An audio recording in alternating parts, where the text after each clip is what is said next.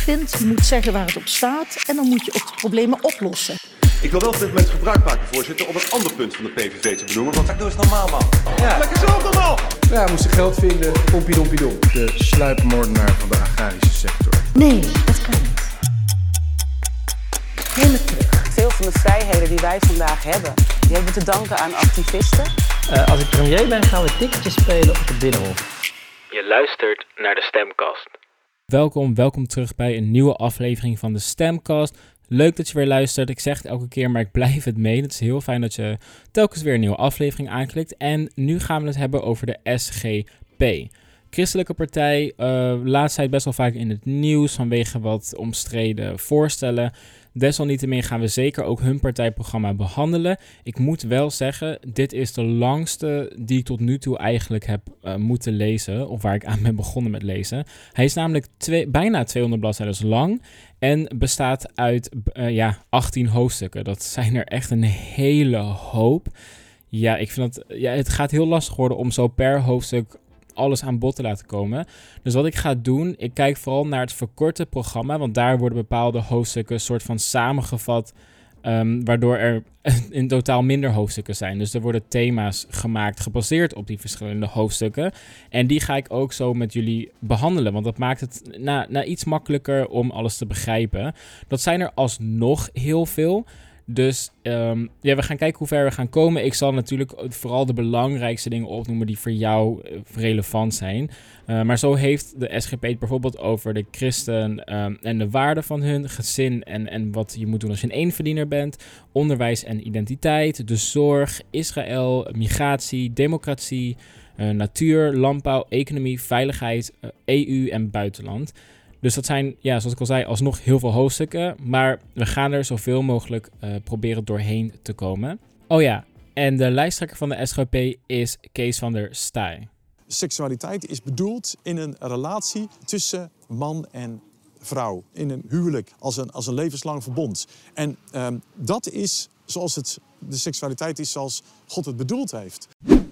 Over hun eerste hoofdstuk Christen en waarden geven ze eigenlijk een beetje een uitleg over hoe hun functionerende samenlevingen er nou eigenlijk zou uitzien. En daarbij zeggen ze dat het gebaseerd is op, op christelijke waarden. Zo is de SGP een christelijke partij. Dus zeggen ze, het zou ook niemand verbazen dat de SGP het liefst zou zien dat Nederland een natie zou zijn waarin het christelijke geloof breed gedragen wordt in alle lagen van de bevolking. Dat is alleen niet helemaal meer waar actueel. Um, het aantal gelovigen in Nederland is eigenlijk minder dan het niet-gelovigen. Toch hebben zij nog steeds een bepaald fundament waaraan zij de christelijke waarden ten grondslag leggen. Wat ja, wel een beetje schokkend is. Ze zeggen dus bijvoorbeeld dat er zit te veel zonde in ons allemaal. En er is te veel multireligieus en multicultureel gedoe in een samenleving. Daardoor zal het altijd blijven schuren en kunnen we geen ideale samenleving krijgen. Dat, dat is niet mogelijk op aarde. Dat geven ze eigenlijk al meteen toe. Nou, vind ik best wel negatief, want uh, tuurlijk kunnen we een ideale samenleving creëren. Dat gaan we ook zeker doen.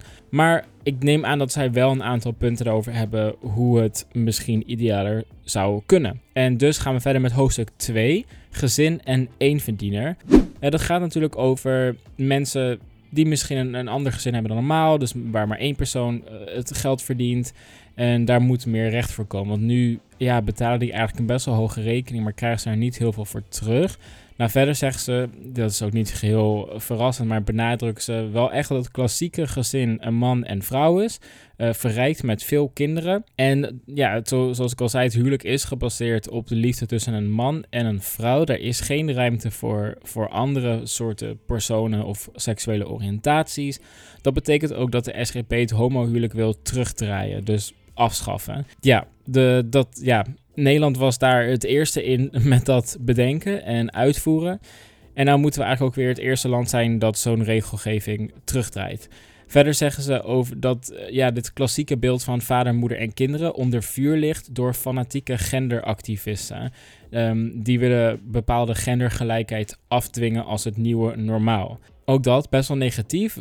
ze hebben het dus over genderactivisten die bepaalde ja, die willen eigenlijk rechten voor alle genders. Uh, maar dat mag van de SGP dus niet. Ja, ik heb een beetje moeite met het vertalen, want het is een beetje ingewikkeld hoe ze het zeggen. Want het, het staat natuurlijk in bepaalde woorden opgeschreven, maar daarbij niet een duidelijk punt. Dus je moet echt dan uit de context halen wat ze precies zeggen. Dus dat probeer ik ook zo goed mogelijk voor jullie te vertalen. Maar het komt er dus op neer dat ze willen dingen zoals dat, dat je weer aan mag kondigen met dames en heren. Of kom op jongens of kom op meisjes. Dat moet weer kunnen. Geen genderneutraal speelgoed, geen genderneutrale kleding. Dat is allemaal onzinnig, zegt de SGP. Over dat ene verdienen trouwens, daar zeggen zij, um, of tenminste daar hebben ze een aantal concrete punten over. Zo staan zij voor um, fiscaal beleid dat gezinsvriendelijk is. Dus dat werken ook loont en dat twee mensen die werken ook moet lonen, maar één persoon die werkt in het gezin ook. Zo moet de belastingkloof tussen één en twee verdieners gedicht worden en moet de kinderbijslag en het kindgebonden budget omhoog. En zeggen ze, bij de geboorte van een vierde kind krijgt een gezin 1000 euro extra. En dat is zo een tegemoetkoming in de kosten, maar ook met natuurlijke motivatie om meer kinderen te krijgen. Dan hebben ze het over onderwijs en identiteit. Dat gaat natuurlijk vooral over opvoeding, maar ook over geschiedenis en ons verleden.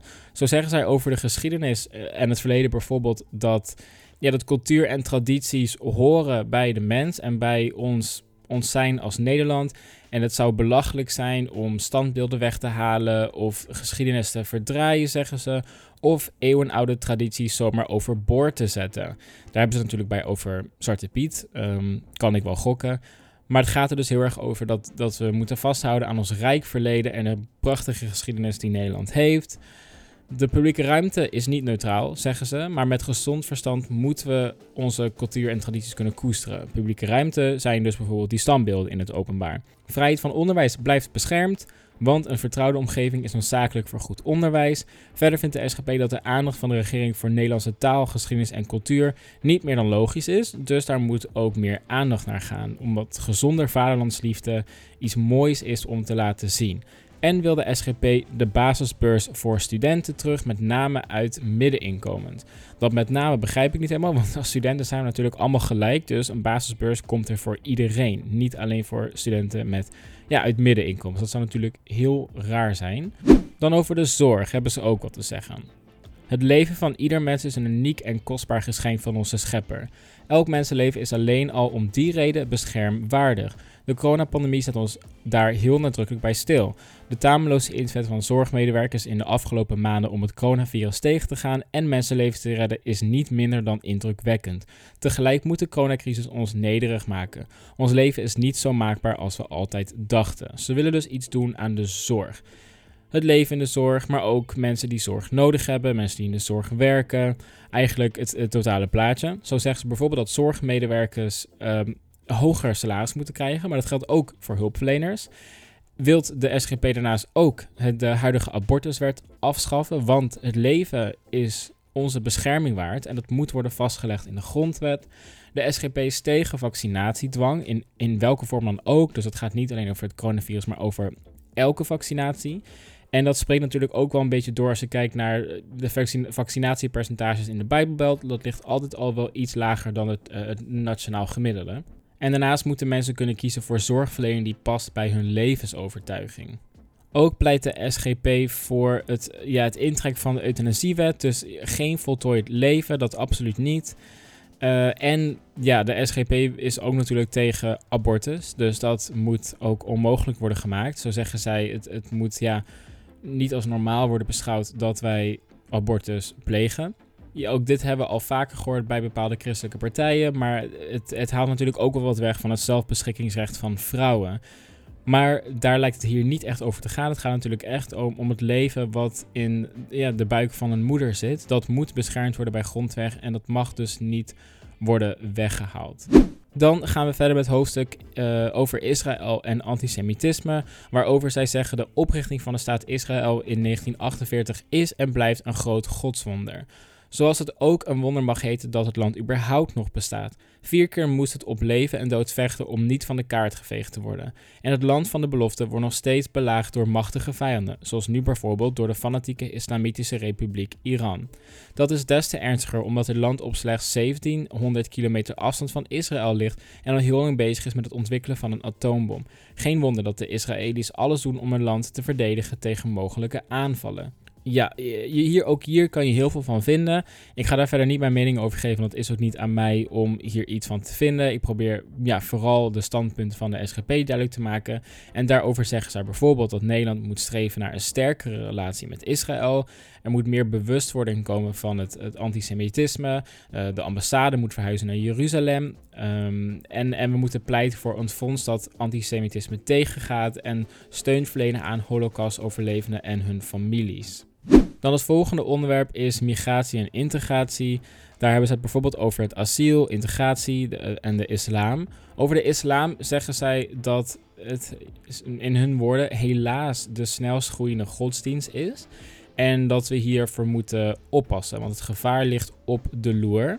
Er, er is een dreiging en die mogen we niet uitsluiten.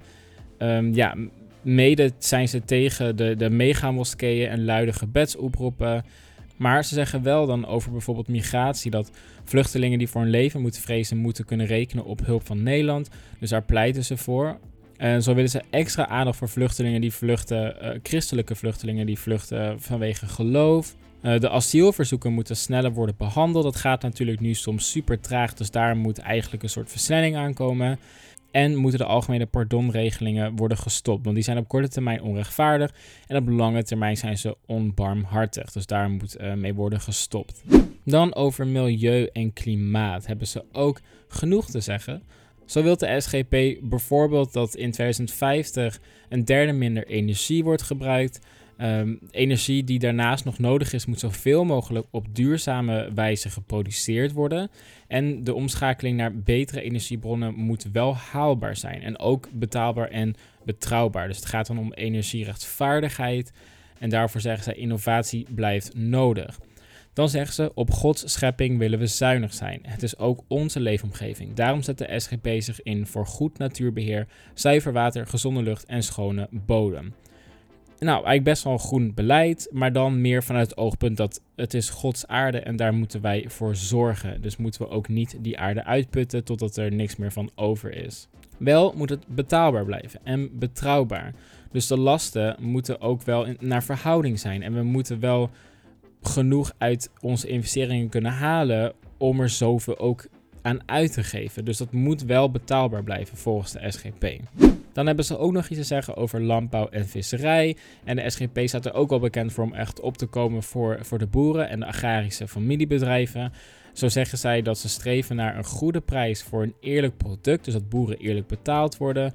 Eh, ze zeggen dat de, dat de overheid ook ja, minder sterke invloed moet hebben op die boeren. Zij moeten niet op de stoel van de boer gaan zitten, maar moeten vooral luisteren naar het vakmanschap eh, van de boer en deze vaardigheden en normen en waarden benutten. Dus komen met doelen in plaats van middelen. Ze zeggen dat ze de boeren en vissers een warm hart toedragen, dus daar ook ja, meer steun in willen bieden en dat vooral de, er aandacht komt voor de landbouw en de visserij en de, principes waar zij voor staan. Want dat wordt nu soms nog wel een beetje onder druk gezet, want dat zijn natuurlijk vervuilende industrieën die moeten vergroenen. Maar de SGB wil echt aandacht blijven houden voor de boer en de boerenfamilies hunzelf. Dan het hoofdstuk economie en financiën. Hierover zeggen zij eh, een aantal dingen over schulden, maar ook over het MKB, eh, innoveren en zondag is een rustdag. Over de schulden zegt zij dat die, die is gigantisch. En dat is ook wel waar. We hebben echt natuurlijk een gigantische staatsschuld. Dat is volgens mij iets van eh 500 miljard bijna.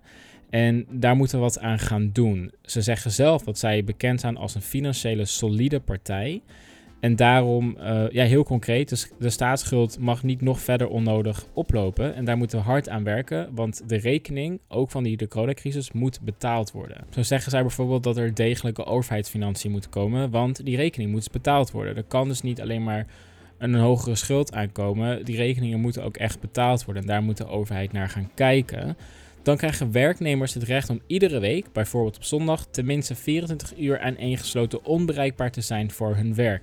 Heerlijk, ben ik helemaal voorstander van. Uh, dat, is, natuurlijk super fijn als je onbereikbaar kan zijn voor je werk. Want helaas, vooral nu we allemaal online zitten, is natuurlijk de realiteit dat je buiten werkt nog steeds wordt meegenomen in een WhatsApp groepchat.